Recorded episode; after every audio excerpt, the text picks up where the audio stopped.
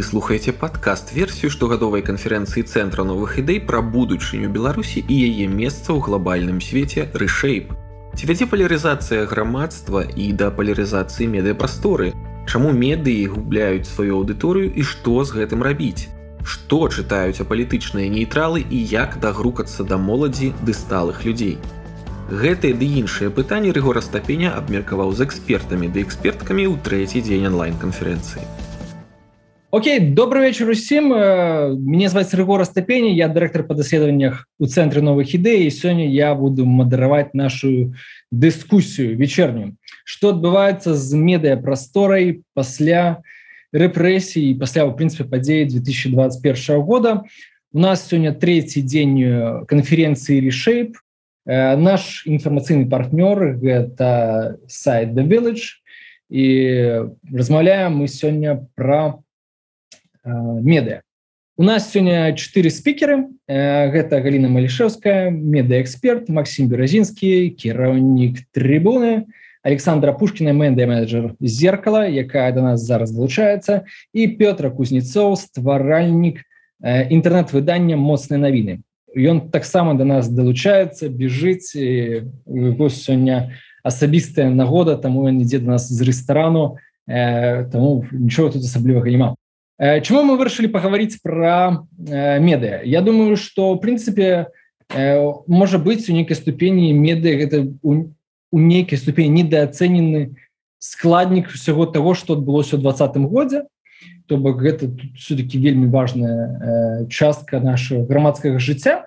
э, таксама я человек который замяряе грамадскія настроі таксама бачу тое что медыа насамрэч карыстаюцца велізарнай недзяржаўныя меды карыстаюцца вялікім даверам сярод людзей з другого боку мы бачым тое что ёсць праблема тэхнічная тое что медыа просто маюць все меншыя магчымасці для того каб даходзіць э, да беларусаў і нейкім чынам з ім э, з грабдорскім грамадствам камунікаваць. І пачнем мы в прынцыпе з такого досыць э, уступнага да простага пытання. Не ведаце ну простае але уступнае якое я пэўна бы задаў бы спадарні галіне спадарня галінай Як вы думаеце як змянілася аўдыторыя беларускіх сМ за апошнія вось гэтыя полторы гады угу. спасибо а, коллеги добрый день всем добрый вечер а, Прежде чем говорить о том, как изменилась аудитория, я бы хотела а, сказать о том, что самое главное, в какой системе координат мы находимся. И аудитория меняется не сама по себе, а в зависимости от того, как меняется, с одной стороны, дистрибьюция, как мы, какой доступ к информации мы имеем, с другой стороны, какой контент наши медиа хотят дистрибутировать. И здесь, конечно, произошли у нас э, очень серьезные тектонические изменения. И э, здесь, с одной стороны, политический фактор сыграл, а с другой стороны, технологический. Я бы сказала, что технологический даже больше. По сути дела, до 2020 года мы переживали ситуацию золотых времен для медиа, когда у нас сформировалась цифровая инфраструктура и сформировался независимый национальный медийный рынок, который государство, в общем-то, Э, позицию занимала догоняющую, да, и наши независимые медиа, по сути дела, и были том, тем национальным рынком, который аудитория могла видеть, пользоваться информацией. И, конечно, ключевым ядром был Тубай. С одной стороны, точка входа для аудитории, а с другой стороны, э, профессиональный ресурс, который все, что происходило на медиарынке, просто впитывал и масштабировал. Таким образом, имея более 50% охвата, мы могли говорить, что и массовая аудитория, и э, аудитория узкая получает ту информацию, которую медиарынок генерирует. Все нормально. 2020 год – это разрушение не просто независимых медиа. По сути дела, государство своими руками уничтожает свою собственную национальную инфраструктуру а, цифровую. Ничем оно его заменить не может. Телесмотрение мы видим – это до 30%. А, доверие к государственным СМИ э, низкое. И абсолютным бенефициаром на всем этом пепле является, конечно, российское информационное пространство, которое как пылесос сейчас э, втягивает массовую аудиторию.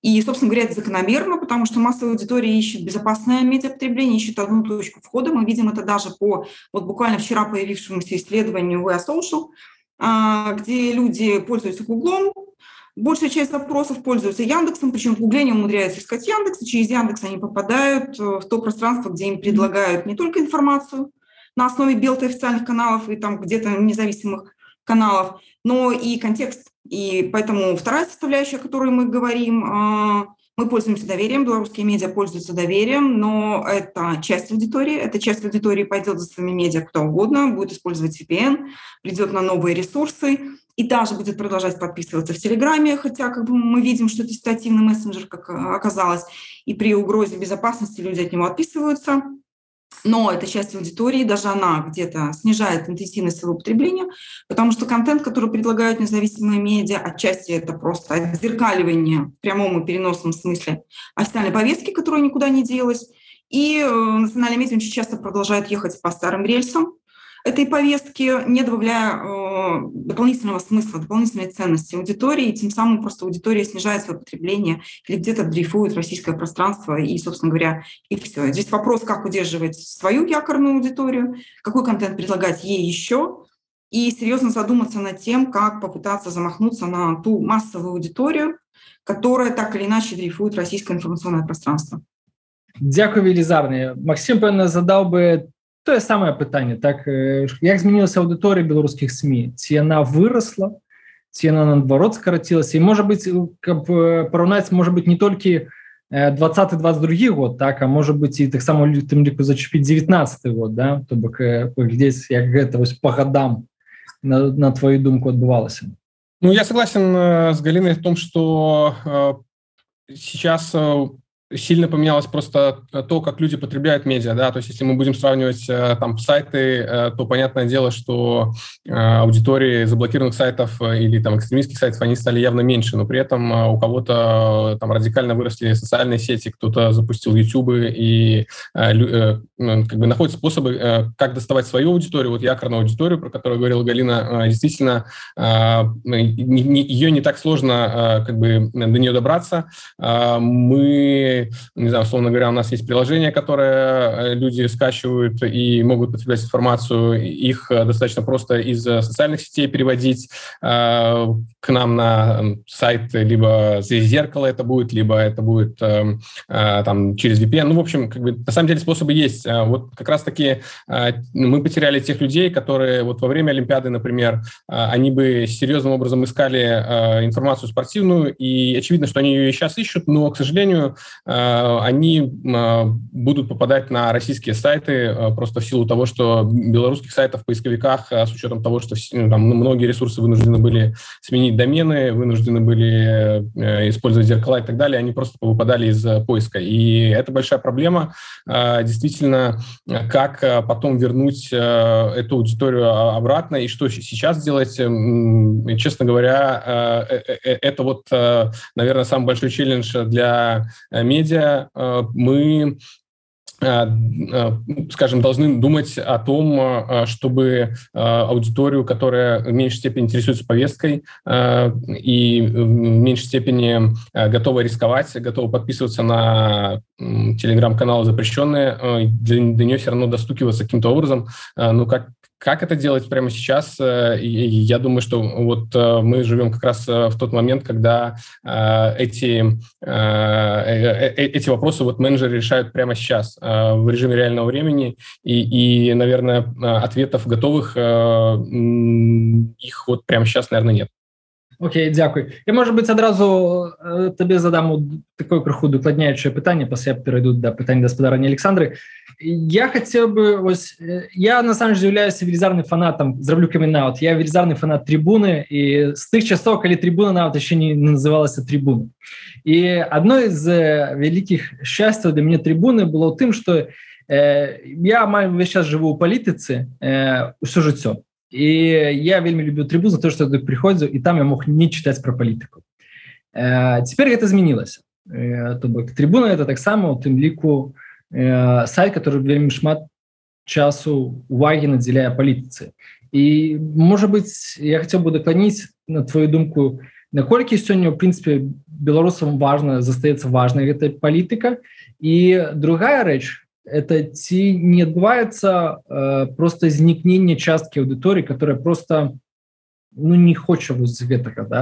не хоча чытаць пра палітыку і прыходзіць на сайт спартовы каб чытаць толькі пра спорт і калі бачыць палітыку то адразу збегае Ну, мы на самом деле внутри обсуждали эту ситуацию, и э, пытаемся найти тот баланс, который бы нам позволял не терять аудиторию, которая интересуется только спортом и которая не готова там, в режиме 24 на 7 потреблять только политические новости. И у нас остаются, э, остается часть информации вот именно для такой аудитории. Э, при этом, например, мы до сих пор не совсем понимаем, что делать с тем же хоккеем, который, в общем, превратился в, из вида спорта в какую-то вот э, обслугу э, всей этой истории. И э, вот э, эти проблемы мы обсуждаем регулярно в редакции, и, и каждый раз э, нам приходится выдумывать, как э, поступить в той или иной ситуации. Ну, э, я бы сказал, что э, все-таки, наверное, э, еще надо понимать, что там большинство из того, что происходит в Беларуси, э, это же не совсем э, политика в чистом виде, да, мы говорим просто про права спортсменов, э, и э, когда кого-то там чего-то лишили или кого-то откуда-то уволили, э, и как бы следом уже возникает и политический хвост, но в целом э, не написать про это, ну, как бы тоже нельзя, тоже будет странно. В общем, мы живем вот в таком каком-то искаженном мире, когда э, политика как бы выглядывает из, из, из каждой новости, да, условно говоря, даже медаль Смольского и медаль э, Э, Гучковой, э, это все равно какое-то столкновение взглядов, э, и вот этот вот раскол, он чувствуется на самом деле и в спорте тоже. И как, скажем, закрыть глаза и сделать вид, что типа все нормально, ну, наверное, это тоже не самый классный выход и, ну, ненормально, да, то есть потому что у нас наш журналист Саша Ивулин, он как бы не может ни работать, ни, ни, ни жить, ни, ни, ничего не может делать толком, да, и мы не можем на это закрыть глаза ну вот, в общем, вот живем в такой разорванной реальности, когда э, и, с одной стороны, отказаться э, от политики совсем невозможно, с другой стороны, и только про нее писать 24, там, 100% материалов и 24 часа в сутки, ну, тоже нельзя. Э, и вот приходится искать какой-то баланс, и правильно Галина говорила о том, что э, нужно Э, придумывать э, повестку, которая бы отличалась от э, той, э, которую пытаются нам транслировать э, вот эти люди, которые захватили власть. И мы вот про это тоже думаем и пытаемся здесь находить новые способы. Хотя, опять же, мы достаточно сильно ограничены в том, как нам эту повестку поднимать. Условно говоря, сейчас э, там было, был бы очень клевый цикл, и я думаю, что он бы хорошо почитался, э, цикл материалов о том, э, как э, и что происходит в детских спортивных школах. А, насколько там ситуация хороша или плоха, но у нас э, достаточно сложно реализовать такой проект э, прямо сейчас, э, просто в силу того, что там люди, которые могут это делать в Беларуси, они есть, но для них это просто опасно будет. Вот, поэтому здесь как бы приходится думать и выкручиваться, придумать какие-то варианты, как это как эту повестку новую задать, ну, при этом вот находясь в тех условиях, в которых мы есть. Поэтому, отвечая, отвечая на твой вопрос, мы ну, скажем, и для редакции это тоже э, достаточно сложная ситуация, потому что многие к нам приходили как раз-таки потому, что они любят спорт, они готовы писать про спорт, а когда вот э, столько много э, возникает э, историй на грани, между спортом и не спортом, э, уже как бы не все готовы на это. Поэтому здесь на самом деле это тоже челлендж, и э, мы до конца для себя пока не определились. Э, вот все, что ты видишь на сайте, это там тот компромисс, на который мы пока, к которому мы пока пришли, и в рамках которого пока будем действовать. Возможно, появятся какие-то новые светлые идеи, э, как э, эту ситуацию разрулить, тогда, возможно, э, будет какой-то другой внешний вид у трибуны. Супер, дякую. Спадарня Александра, вам добрый вечер. Одразу вам два пытання зададзім, каб ужо так сказать адкампенсаваць. Давайте. Першае пытанне гэта як змянілася аўдыторыя э, беларускіх недзяржаўных СМі за апошнія тут тры гады. І другое пытанне гэта ці у 2022 годзе беларусы все еще цікавятся политикой добрый день всем э, прошу прощения за опоздание э, в литве день независимости скорее бы и у нас аудитория ну э, если расценивать аудиторию тутбай и зеркало да мне придется два медиа сегодня смотреть все же то честно говоря мы не видим сильно большое изменение в плане гендера. Э, раньше она была немного более женская аудитория, сейчас она э, чуть более мужская. По-моему, сейчас 64% мужской аудитории на зеркало. По регионам сейчас сложно отсматривать, потому что многие через VPN, но у нас 57% это белорусский трафик. Э, большая часть это, конечно же, Минск. По телеграм-каналу мы видим э, по отпискам, да, что с нами остался костяк, и это э, такая целевая аудитория, которая активна, которая комментирует, которая включается в повестку, в обсуждение. Поэтому э, что можно сказать за три года? Ну, наверное, э, оставшаяся аудитория просто более активна. И на стороне, э, если мы говорим про протест, наверное, в зеркало тяжело сказать э, четко, выбирает ли аудитория сторону. Э, я бы сказала, что у нас, э, если по цифрам смотреть, то 3,3 миллиона уникальных пользователей в Тутбай было на момент разгрома. А сейчас более 2,5 миллионов уникальных пользователей. Поэтому боюсь сказать однозначно, что у нас аудитория принадлежит только какой-то одной стороне. Второй вопрос. Как изменилось? Ці читаюць беларусы про палітыку гэта цікава яшчэ я просто может быть дакладню таксама некае это пытанне тут ведаеце я думаю что есть пытанне не толькі ў тым что люди э, стаміліся да там что просто не там что палітка перестала быць ім цікавай Я думаю есть таксама нейкі момант что гэта занадта траўматычнае пачуццё чытаць навіны про беларускую палітыку і як бы я і таксама для мяне вялікае пытанне наколькі людзі в прынцыпе готовы саматраўматызавацца да? Я, я, я, я что сказал занадта разумное слово. Вот але, але гэта ёсць гэты момант так? То бок чытанне телеграм-канала то напрыклад весны ну это, это складан. І пытанне там ці вот колькі людзей гэта працягваць у гэтым жыць паводле того чтобы бачыць вы знаете, мне кажется, что с какой-то стороны на старте мы даже не дали людям особо выбора, что им читать. Я сейчас говорю исключительно за зеркало, потому как когда мы восстанавливались, э, мы вынуждены были оставить только часть из наших разделов. И сфокусировались, конечно, на тех разделах, которые больше освещали повестку. И аудитория действительно начала расти, когда мы стали добавлять, ну, во-первых, лонгриды, а во-вторых, другие темы. Поэтому я думаю, ну, не скажу, что мы сильно изучали эту тему, но можно, конечно, смотреть на просмотры статей, а, которые на политическую тематику, и они будут доказывать, что люди не устали. Но в целом, когда ты добавляешь другие разделы, там, культура, спорт, то в целом охваты растут.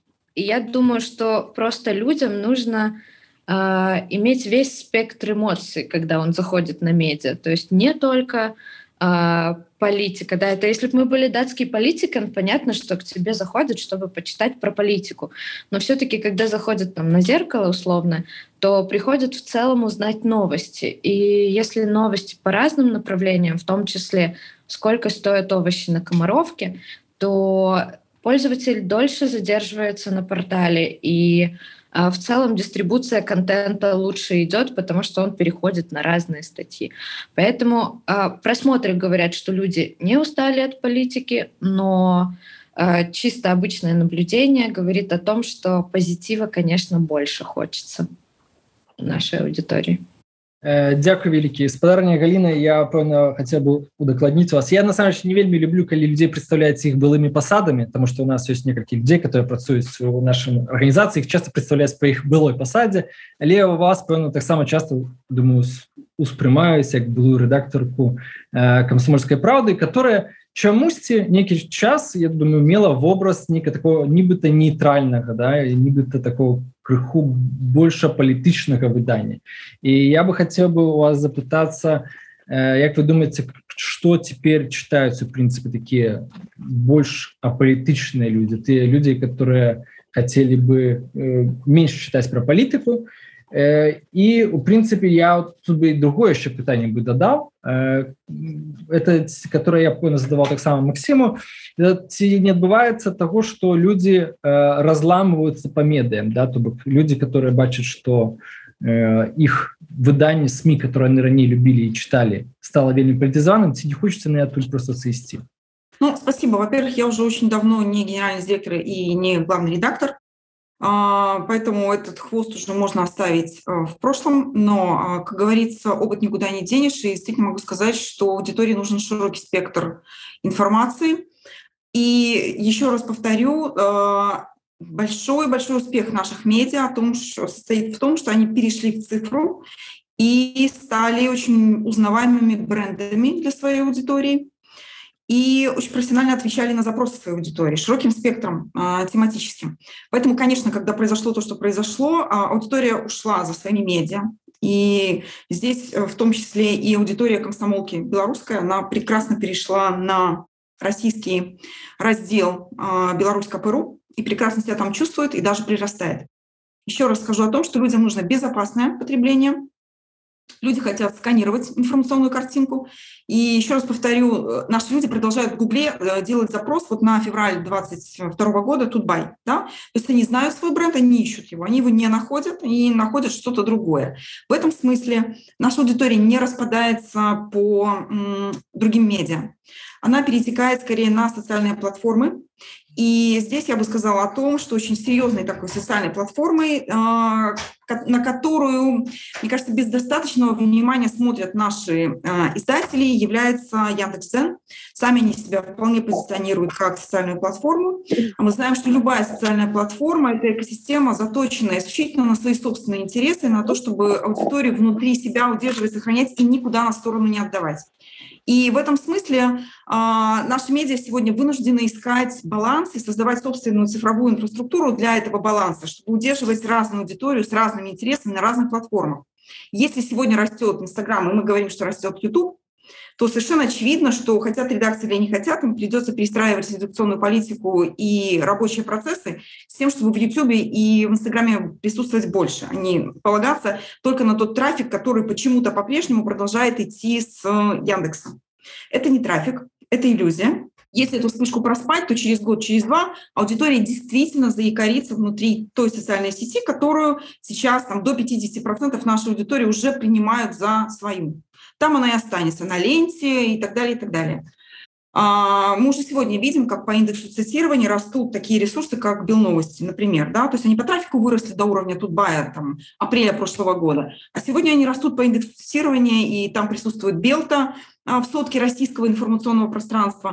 То есть процессы будут идти, они будут идти незаметно. Если сейчас не перестраиваться, с моей точки зрения, перестройка – это наличие собственной цифровой э, дистрибуции, как то YouTube, как то сайт для ядра, естественно, как то социальные сети и платформы, прости господи, не только Telegram, но и Viber, за который меня все всегда ругают. Но посмотрите, как прирастает Viber у многих ресурсов, и вы поймете, что широкий спектр тем, легкого низкопирамидального контента медиа производят ровно для того, чтобы аудитория легко им делилась. Это образование, это культура, это еда и так далее, и так далее.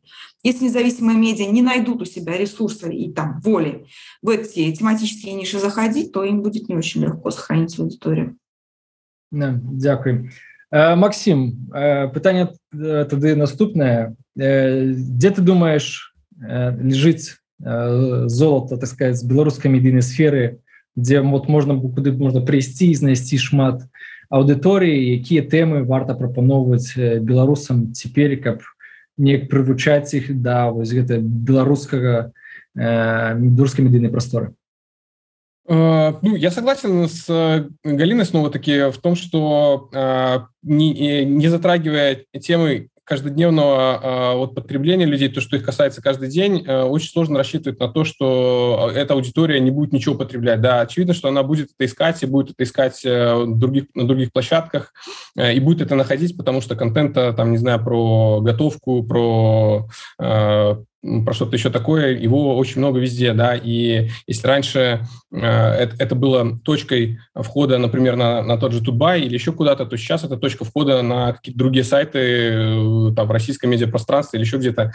э, где человек может и, и, конечно, и остаться. Поэтому э, для, ну, мне кажется, что сейчас с учетом, вот опять же, того, что люди хотят безопасного потребления, в первую очередь имеет смысл смотреть на платформы YouTube, TikTok, которые позволяют достаточно быстро собирать аудиторию. Они не требуют каких-то больших вложений в создание сайтов, не знаю, там в какие-то большие инфраструктуры. Это можно делать достаточно бюджетно и при этом за короткий промежуток времени собрать хорошую большую аудиторию, которая интересна та или иная тематика. Мне кажется, что вот сейчас с учетом вот тех репрессий, которые есть, как раз-таки такие форматы могут оставлять аудиторию э, у белорусских медиа, и э, в том числе э, я даже могу сказать, что, наверное, что даже развивать сегмент белорусский в YouTube, потому что там на данный момент он, наверное, все-таки представлен очень ограниченным количеством тем, и там большая, достаточно большая свободная ниша, которая бы могла быть заполнена в том числе белорусскими ребятами, которые могут рассказывать и показывать что-то, что интересно белорусам, э, и не нужно будет ходить, э, не знаю, там, чтобы э, посмотреть какие-то шутки. Ну, там самый типичный пример, очень не хватает э, юмористического контента белорусского. Понятное дело, что он, ну, там, возможно, дороже в производстве, чем э, какой-то новостной контент, но, тем не менее, вот э, в направлении YouTube и ТикТока, я думаю, что нужно смотреть и нужно придумывать те форматы, которые будут востребованы в аудитории. Вот, например, э, Петр к нам подсоединился, э, у них в ТикТоке прям огонь и разрыв, там очень много видосов, которые выходят там за 100, за 200 тысяч просмотров, хотя, в общем, казалось бы, там тема каких-то гомельских новостей может быть не так популярна, но нет. Дякую вялікі Максім Я пэўна передам зараз слова Пётру Дякую велізарны Пётра што далучыўся до нас я насамрэч не глядзеў тикток моцных навінаў мушу признацца хоць я теперь вывучаю тиктоки мне вельмі падабаецца эта соцсетка як бы ну вельмі файная насамрэч забаўная я конечно не змогу пэўна я бы увесь час выкарыстоўваць но але она цікавая і пэўна я бы задала пытанне можа быть крыху спалучаючы все наступны папярэднія пытанні які у нас былі ці ты бачыш на прыкладзе рэгіянальных медыяў ці адбываецца отток аўдыторыі который звязана з тым что люди стамляются ад палітыкі і кім чынам ты думаешь варта было бы уцягваць что прапаноўваць гэтай аўдыторыі каб яна заставалася у беларускай медыяпрасторы добрый вечер. Я по-першае хочу выбачыцца перад усімі за спазненне ось але ну, у мяне не было шансаў просто своечасова подключиться. Я так бег зараз что нават упал на лесвіцы але я ну я постараюсь. Дякую вялікі за разуменне Вось я паспрабую адказаць на гэта пытанне але я адразу гаваруся что гэта ну будзе даволі суб'ектыўна тому что гэта зноў таки з уласнага даволі досведу на прыкладзе аднаго рэгіёна напрыклад на прыкладзе аднаго канкрэтнага медыа і наша сітуацыя яна даволі спецыфічная бо у нас мы вельмі давно працуем на гомельскім рынку менавіта в сваім фармаце в онлайне. Вось і у нас заблокаваны зараз сайт. Але мы не не стваралі зеркало люстэрка бо мы продолжаем працягваем заставацца ў беларусі і у нас ліквідаваная юрыдычная асоба а мы зараз толькі рэгіструем новую. У працэсе вось сёння атрымалі печатку. По вельмі вельмі тихонька гэта робім крок за кроком каб гэта не было заўважна вельмі не кідалася там у вочы бо мы опасаемся что нас там пачнуць могуць абвінавачваць там у незаконным прадпрымальніцкай дзейнасці там і гэтак далей бо мы вельмі на віду і мы працягваем выданні у фармаце мульты мультымедійнай мультыплатформенай мультыплатформенага выдання у сувязі з чым вось зараз і быў згаданы у тым ліку гэта тикток да які ну даволі добра выбухнуў там шмат які матэрыялаў нават не больш за 100 за 200 тысяч у нас нават ёсць матэрыялы мільённікі на вось 100 200 тысяч это так ужо ну нормально. а А, і а, у нас была даволі моцна даво, быў даволі добры падмурах для гэтага бо мы ўвесь час свайго існавання вельмі а, шмат увагі прыкладалі да для развіцця сацыяльных сетак. Менавіта заўсёды маючы на увазе рызыку што раней ці пазней свабоды інтэрнету беларусі у тым ці іншым выглядзе можа скончыцца.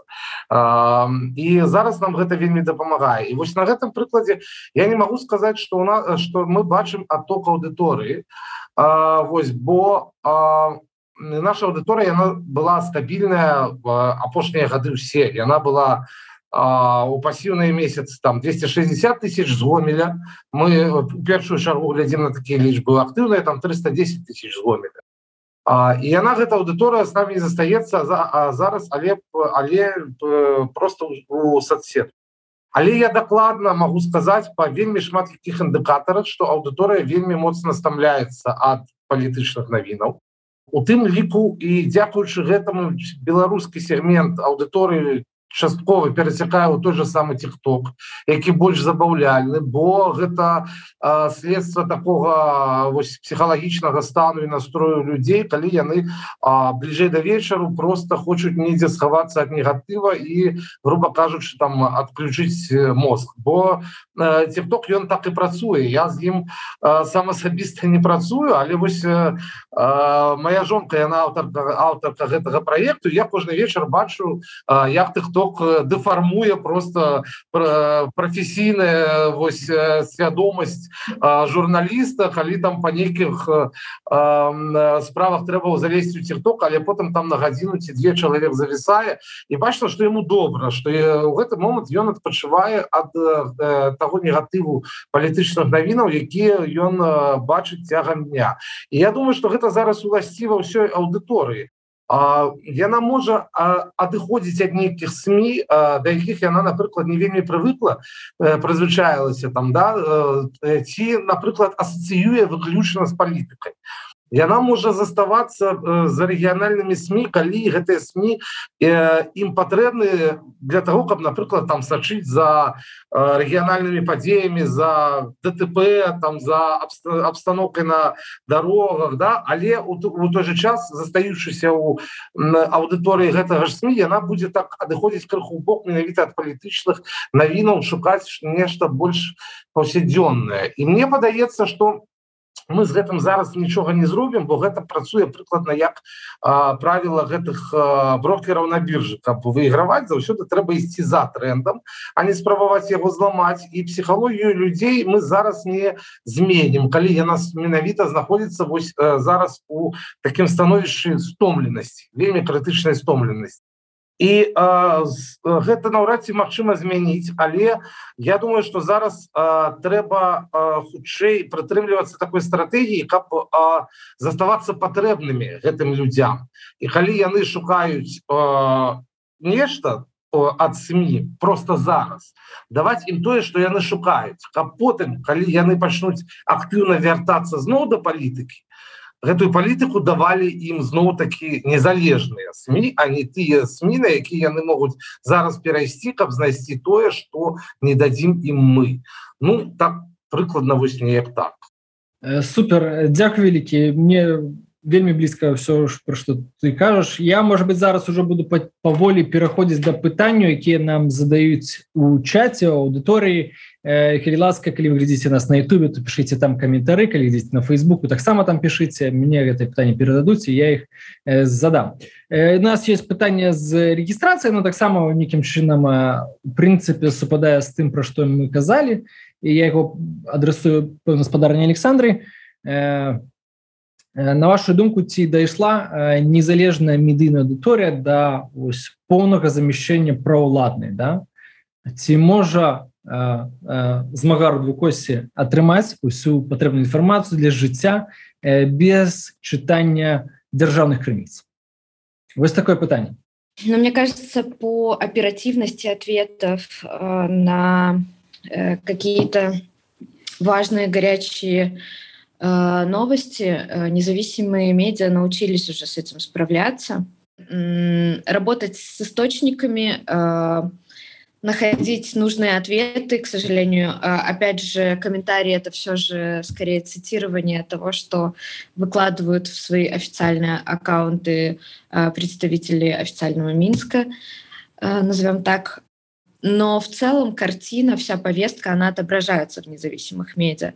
К сожалению, мне кажется, тут не хватает в независимых медиа многих, в том числе и нашим. Вот как у Петра у нас нет возможности находиться а, внутри страны и делать красивые репортажи, например, а, добраться на интервью к человеку, который а, в Беларуси, но мы все равно стараемся э, делать все возможное, и несмотря на э, то, что мы заблокированы э, и признан контент экстремистский, мы работаем через блок отражения, надеюсь, пока что у нас эта возможность будет оставаться.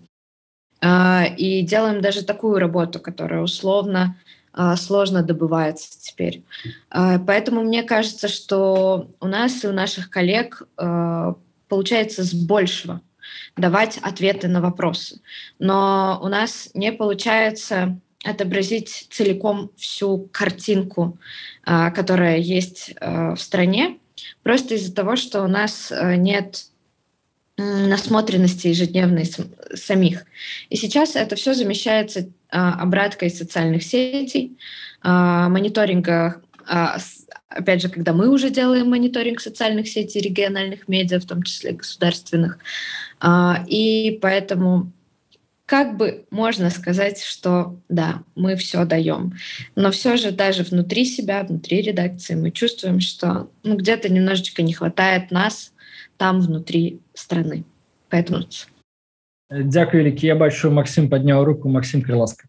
А, мне кажется, еще одна проблема является не покрытие повестки, которая есть сейчас в стране, а еще критический анализ того, что дает, а, скажем, вот эти официальные каналы, э, Э, как-то там э, Саша сформулировала, э, ну, в общем, то, что считается сейчас у нас МВД там, и другими структурами, да, то есть, по сути, сейчас мы живем в эпоху, когда Э, в общем, фейки могут распространять даже официальные каналы. И э, как к этому подходить, и как э, здесь... То есть раньше мы понимали, что если выходит на сайте МВД какая-то информация, то, наверное, ей можно доверять.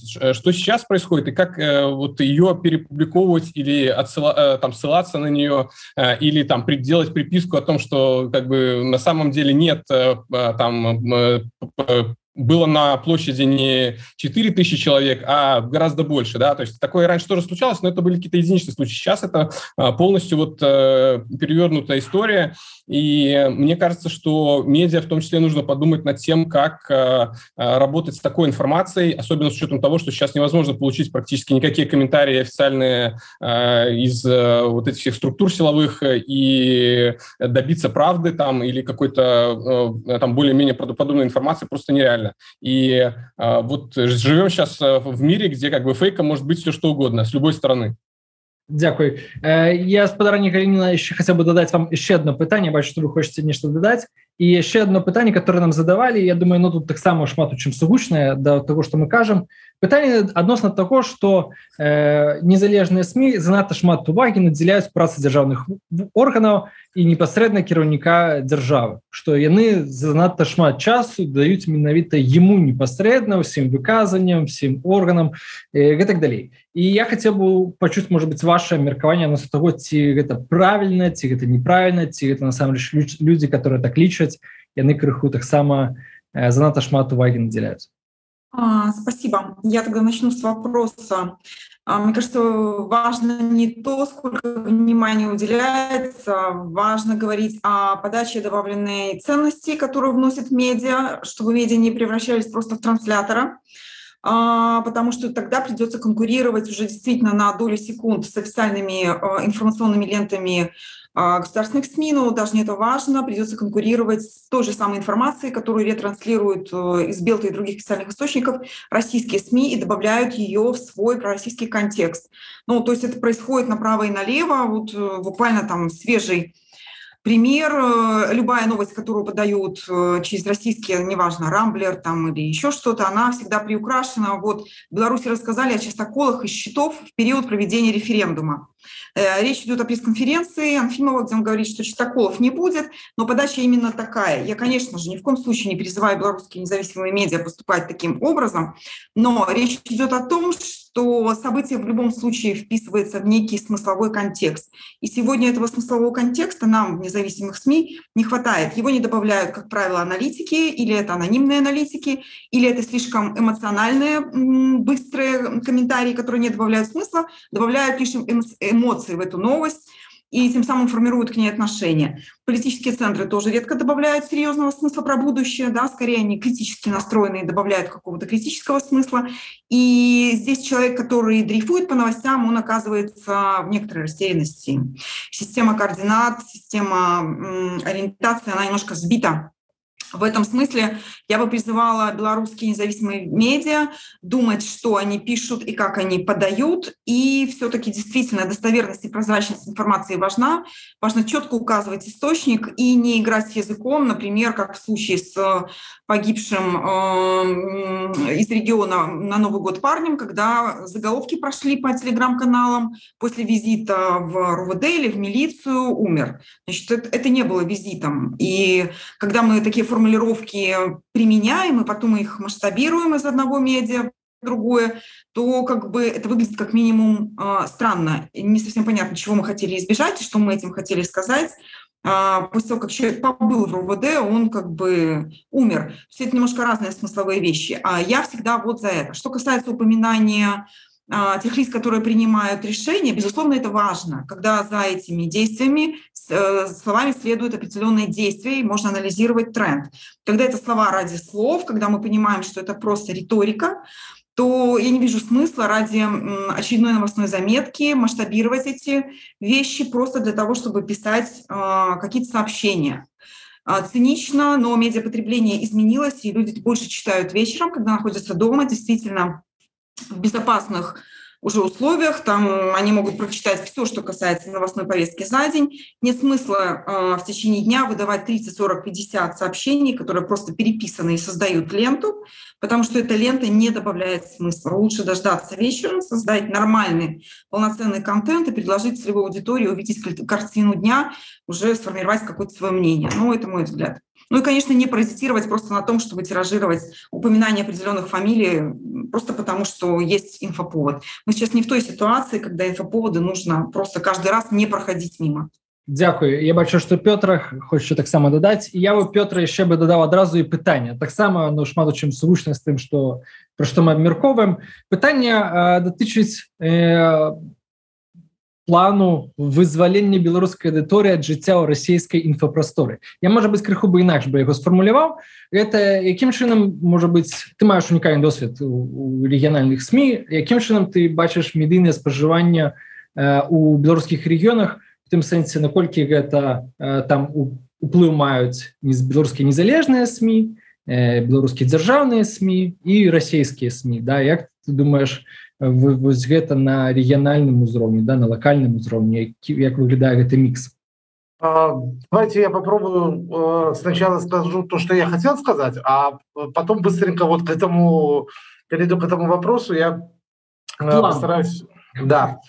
Я хотел немножко, буквально пару слов сказать по поводу вот этого вопроса насчет доступа к источникам информации, вот, который, э, значит, начался, начал обсуждаться. Я, меня просто немножко так не то что задела, а зацепила а, фраза Александры по поводу того, что э, мы не в тех условиях находимся, мы не в Беларуси находимся, не имеем возможности там у кого-то брать интервью и, и делать репортажи. Тут проблема в том, что мы, находясь в Беларуси, тоже ни у кого не можем брать интервью, и нам никто не дает комментарий, и мы тоже не делаем этих репортажей.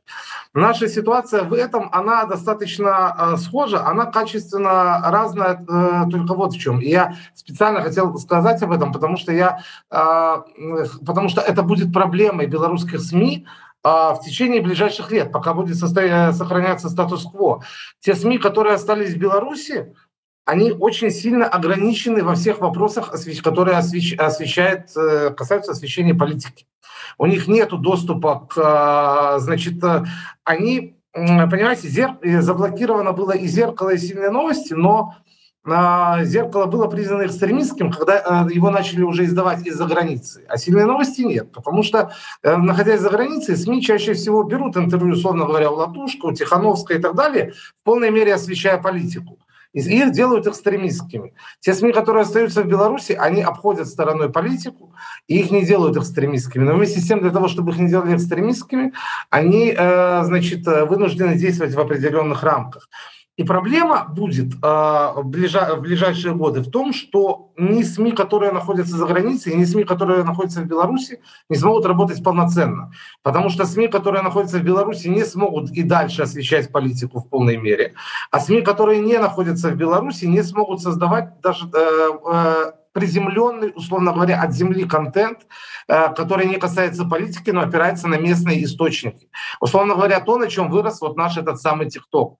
А, условно говоря, то, то, о чем я говорил, то есть то, что касается ДТП, прорыва трубы там и прочее, прочее, то, что важно людям на месте здесь и сейчас.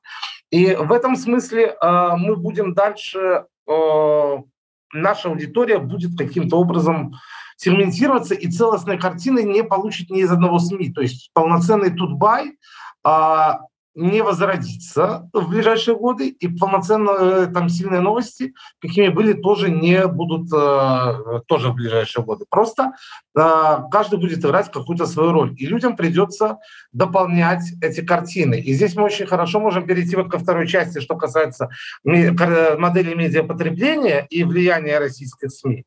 А, я скажу так, что по, моему, по моим наблюдениям в течение там, последних 10 лет модель медиапотребления регионального пользователя, а, что касается получения новостей из интернета, она стала очень похожей на а, получение новостей из телевизора. Только в том смысле, что в телевизоре есть э, любимые телеканалы, которые включаются с определенной, с определенной целью.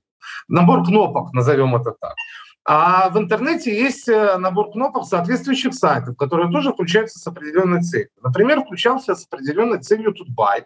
Это обязательно в любом регионе э, в, наборе кнопок. Потому что Тутбай давал картину в целом по Беларуси, которую не даст никто.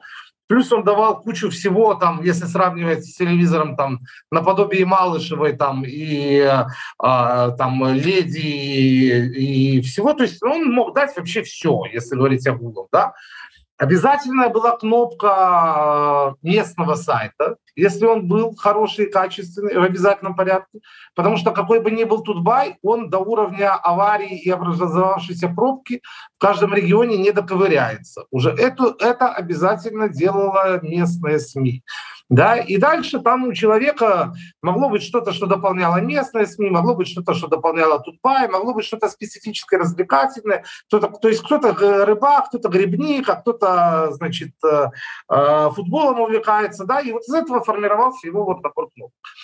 Из, из этого набора кнопок сейчас вот несколько вылетело. Да? И э, Тутбай – это самое ощутимое то, что вылетело. А, потому что местные новости, они все равно расходятся. Они остаются в пабликах, они остаются в телеграммах, они остаются на уровне слухов и прочее, и прочее.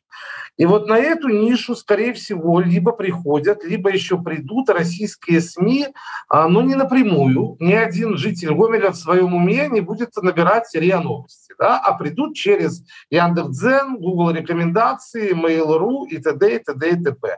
И вот так вот проникнут либо уже проникли, либо сейчас еще проникают в регионы российские СМИ. А, соответственно, как с этим бороться? Я не знаю другого рецепта, с учетом того, что я не знаю рецепта повлиять на алгоритмы Яндекс.Зена, да, я не знаю другого рецепта, кроме как усиливать э, акцентирование и проработку именно местной, местной повестки, потому что только местная повестка она способна перебить э, глобальный дискурс. Условно говоря, в деревне на 100 дворов убийство в соседнем дворе, либо даже, условно говоря, кража курса взломом э, и э, угрозой применением топора, э, способна заставить деревню обсуждать эту новость, а не планы Путина к мировому господству. Это не всегда так происходит, э, далеко не всегда, потому что планы Путина тоже интересно пообсуждать, и громких новостей местных далеко не всегда есть, но, э, но потенциал противостоять э, российским СМИ в условиях того, что Тутбай в ближайшее время на, на свое законное место, своей там незаконное, допустим, такого закона нет, но свое заслуженное место, вот этой кнопки не вернется, другого способа, кроме усиления региональной, либо тематической и нишевой повестки, то есть которая может бить людям в мозги а, уже не по признаку региона, а по признаку его, опять же, страстей. Там, да, вот он футбол любит там очень сильно, и, значит, на футбол его переключить, а не э, от российской пропаганды. Вот другого способа я не вижу. Спасибо. Да, дякую великий Петр, господарня Галина, у вас рука поднятая. Да, спасибо. Я бы только хотела добавить, может быть, немножко обобщая, что мы оказываемся в ситуации, когда у нас э, медиарынок национальный действительно в, полуразрушенном, в таком атомизированном состоянии. Супермаркета э, медиапотребления национального больше нет. И э, для того, чтобы сохранить национальный рынок, придется работать действительно на региональном уровне, сохраняя повесткой да, присутствие человека на тематическом уровне, удерживая просто национальный фокус в тематических нишах, какие бы они ни были, и сейчас их просто нужно больше. Но и, конечно, к национальным медиа остается серьезный призыв и вызов стать национальным социальным клеем, чтобы э, любое социальное, общественно-политическое, культурное, образовательное, экономическое событие подавать с правильной подачей, условно говоря, через свой белорусский фокус. В противном случае э, в голове у человека будет просто размываться этот фокус. И сегодня уже все, что касается российских социальных систем, в первую очередь, конечно, это Mail.ru и Яндекс.Цен, подача уже формулируется, и то, что эффекты сейчас незаметны и неочевидны, не значит, что через год и через два их не будет. Они будут, потому что это инструменты мягкой силы, они реализуются незаметно, это не пропаганда, это не Russia Today, но э, контекст происходящего уже очевиден, если мониторить нарратив и проводить контент-анализ. Это слабое белорусское государство, сильная своевременная поддержка со стороны России. Эти два нарратива, нарратива уже присутствуют. Соответственно, человек просто будет привыкать, потому что он не ждет, нет явной пропаганды, да, то есть не включается маячок пропаганда. А, соответственно, национальные СМИ сейчас просто вынуждены будут обратиться к широкой тематике. Действительно, а, должна быть вот такая апологетика повседневности сейчас, причем с серьезной смысловой нагрузкой национальной. А, и тогда национальное инфополе будет пересобираться еще раз как мозаика во что-то целостное. Как на региональном уровне, это вообще наша основа и база, так на тематическо-нишевом, так и на, на национальном уровне. Ну, про роль акторов здесь говорить не буду, это не, не тема сегодняшняя. Дякую вялікі я зада, хотел бы задать пытание Александры и Максиму э, то пытание которое нам задали в чате это скажите пожалуйста не мешает ли политические преследования за комментарии лайки э, получить четкое ясное понимание политического настроения и состояния народа э, пэўна я бы пэўна еще бы дадаў что по факту пераслед спажаўцоў информации изменяет для самих медыяў Пачнем пэўна з Максима пасля да, да Александры. А, ну на самом деле наверное э, лайки и э, комментарии э, в меньшей степени сейчас, ну, по крайней мере, то, что касается трибуны, в меньшей степени сейчас могут что-то сказать о том, о тех настроениях, которые есть в обществе. А, опять же, в силу того, что а, там наверняка какая-то часть аудитории думает над тем, что ставить, что нет э, и где ставить. А, вторая часть аудитории, там, ну, у нас э, не все могут быть зарегистрированными на сайте, э, вернее, не все могут залогиниться там, с учетом вот этих всех технических проблем, которые есть. Поэтому, наверное, это не совсем ясный срез, который может быть, но очевидно совершенно, что разлом этот есть, и его можно заметить, например, по тем же социальным э, сетям спортсменов, а, когда э, спортсмены из разных лагерей добиваются тех или иных успехов, очень заметно, что разные аудитории по-разному реагируют. Кто-то как бы радуется, кто-то посылает проклятие. И на самом деле вот за последнее время есть ощущение, что этот разлом, он углубился, и вот этих, вот, вот этих проблем стало больше, на самом деле, чем, чем даже было, было какое-то время назад. А, в силу, опять же, того, что, наверное, с одной стороны наступает усталость, с другой стороны, стороны, люди и радикализируются тоже э, вот от э, того, что уже нет сил балансировать между, как бы, и думать там, как, как относиться к тому или к другому спортсмену. Поэтому э, вот э, э, я бы сказал, что, наверное, здесь не вопрос э, террора за лайки, а вопрос в целом ситуации в стране, э, она не предполагает ни, ни к диалогу, ни к какому-то разрешению сложившейся ситуации, а вот усугубляет только то, что происходит. Окей. Э, дякую великий спадарня Александра. А, мне нечего противостоять, я скорее дополню а, Максима. А, действительно, ситуация в целом влияет на потребление информации и реакции. Они ну, как бы немного ограничены тем, какая реакция идет от э, властей. Но видно, что аудитория, которая активна, она все равно продолжает, она обязательно дает свои комментарии, и мы долго не хотели включать чат, но включили его после того, как настроили очень хорошо модерацию, и действительно у многих людей есть еще потребность высказаться, и тут уже выигрывает тот, э, кого больше, да, то, то мнение и выигрывает. Я часто сижу в э, чате, э, в комментариях в телеграм-канале нашем и понимаю, что ну, чем более политическая новость, тем больше мы видим вот этого противостояния. И тут уже наша ответственность в том числе, чтобы смодрировать это так, чтобы люди все же не подверглись репрессиям. Э, и в целом э, это частичная ответственность, в том числе и редакции, э, то, что будет происходить с читателем, что будет происходить с тем, кто тебе дает информацию, с тем, кто дает тебе интервью. Сейчас это стало ну, как дополнительной, даже не дополнительной, а частью работы. И редакциям нужно с этим считаться. То есть, условно, ты не можешь включить комментарии, пока у тебя не будет человека, который научит бот и который самостоятельно в том числе будет мониторить э, комментарии. А тебе необходимо после того, как тебе выслали информацию, обязательно, чтобы этого не было а, в историях, э, чтобы у человека потом не смогли это отследить, если взломают его телефон. То есть безопасность э, читателя — это в том числе стало нашей работой. И, конечно, это усложняет эм, процессы где-то, но тут как бы 50 делаем мы, 50 — это ответственность читателя. И круто, когда мы вместе можем сделать так, чтобы очередной человек не пошел на сутки или вообще не получил срок больше за активность и свое мнение. Дякую вялікі э, насамрэч мы праговорили ўжо роўна гадзіну якую мы абяцалі что мы прыкладна столькі часу і будзем размаўляць Таму я хацеў бы калі ёсць нейкія яшчэ пытанні каментарыі то калі ласка пішыце задавайте гэтыя пытанні у чаце мы можем сказать апошні сказать Э, секунды которые у нас ёсць э, Я думаю что э, я рыхтаваў апошняе пытанне гэта як дайсці да палітычнай аўдыторыі. Ну по факту мы все про гэта і сказали Да я думаю может быть я вы сказать зноў паўтарыў бы гэтае кола каб даць еще раз людям подкрэсліць нейкіе самые там свои важные тезісы которые вы хотели бы донесці да?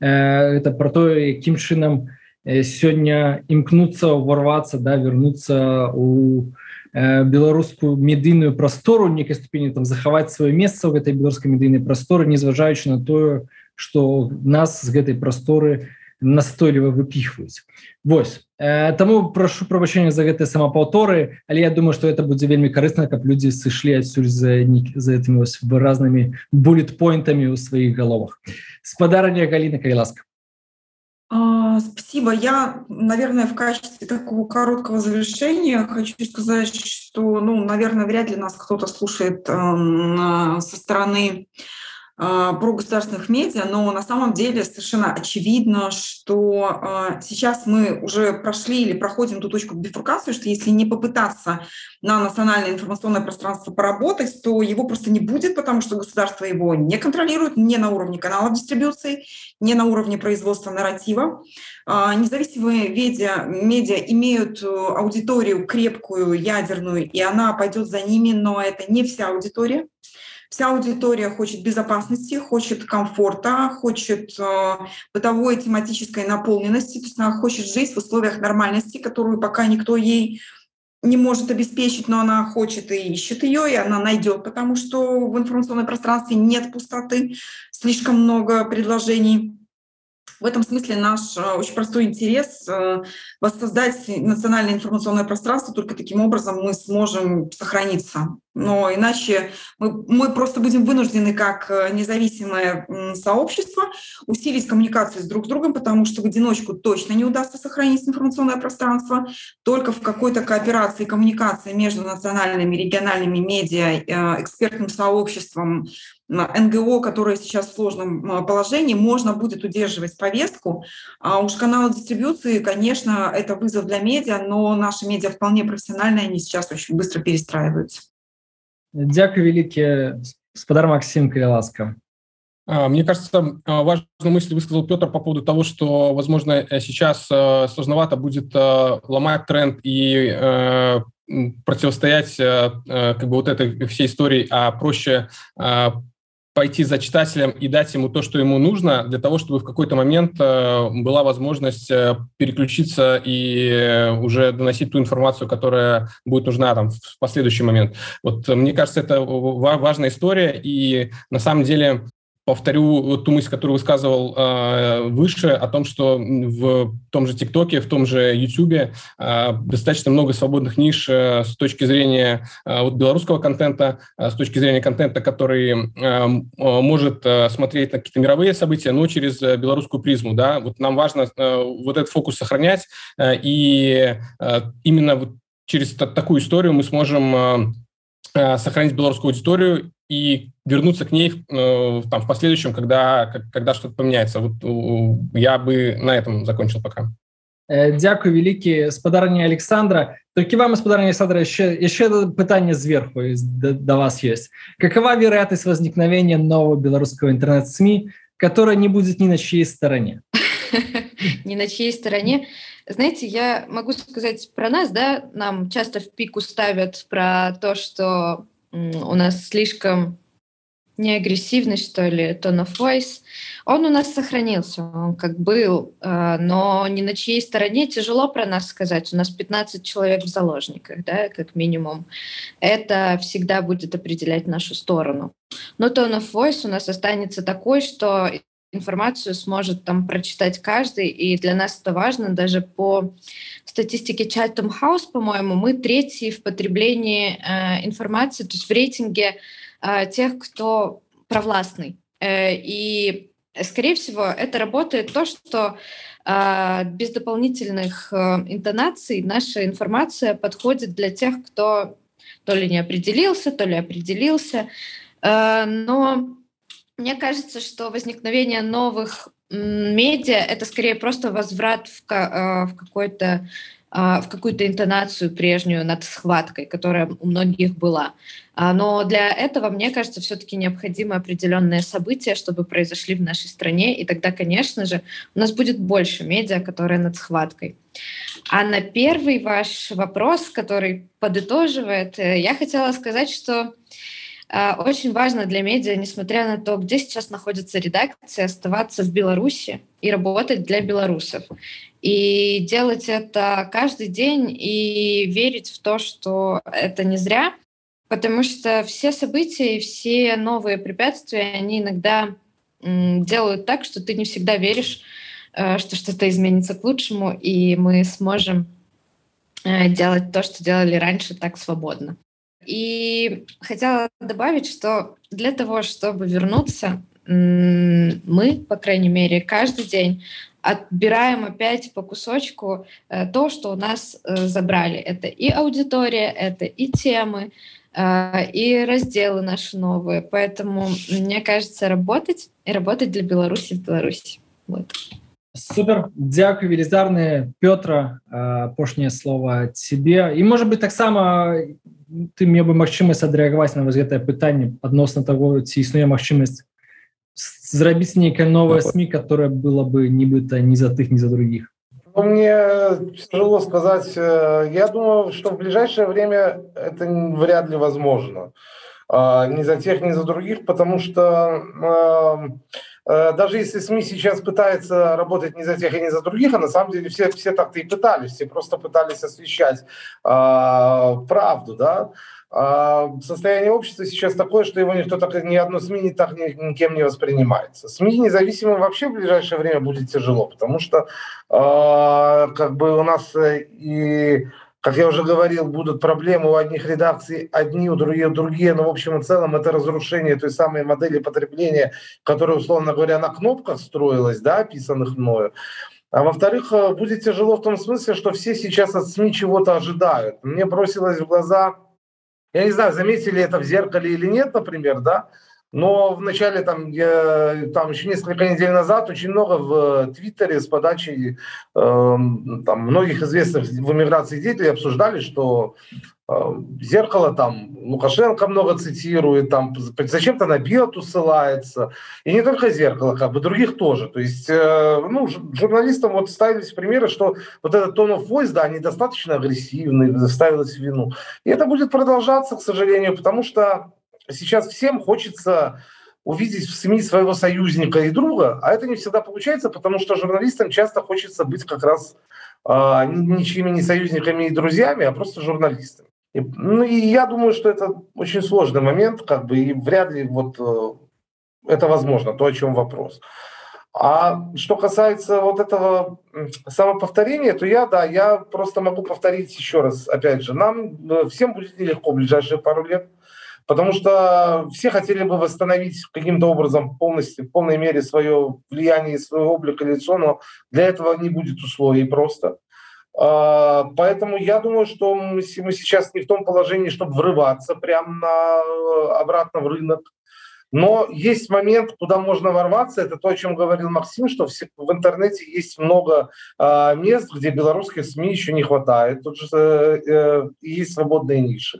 Можно врываться туда. Что касается э, в целом медиаполя, то я думаю, что сейчас в приоритете должно быть... Сохранение аудитории, а именно сохранение и по возможности ограничение входа сюда российского медиавлияния. Это скорее то, о чем говорила Галина, о том, что нам надо поработать над тем, чтобы наше информационное поле каким-то образом заново собрать и сконструировать. Ну, это и стратегически, и тактически. В первую очередь, как я и говорил, я вижу здесь это усиление акцентов регионального и нишевого, потому что они э, имеют на сегодняшний день больше перспектив доходить до читателя, который устает от политики, а, усиление э, присутствия в каких-то новых э, каналах дистрибуции, ну и, что называется, очень внимательно держать руку на пульсе, а, в том смысле, чтобы идти за аудиторией, то есть идти за трендом, очень внимательно отслеживать потребности аудитории и стараться быть максимально близкими к ней. Вот нам сейчас надо вот эту вот аудиторию свою как вот любыми способами постараться сохранить а, и не дать а, ей в поиске новой кнопки уйти вот а, в российское поле. супер. Э, дзякуй велізарны ўсім дзякуй велізарны Галіна Масім Александра Пётра я спадзяюся што это была сапраўды карысная дыскусія для нас усіх. Я хацеў бы толькі сказаць што это быў трэці дзень нашай канферэнцыі решейп завтра у нас четверты апошні дзень выступаць будуць татяна чуліцкая Артём шрайман Андрей Дмітрыяў і Борга харламова. Модеровать будет Павел Мацукевич. Коли ласка, региструйтесь, приходите, глядите нас на Ютубе, Фейсбуке э, и там, где вам зручно. Ну что ж, на этом конец. Дякую великий и всего доброго. Держите себя. Счастливо.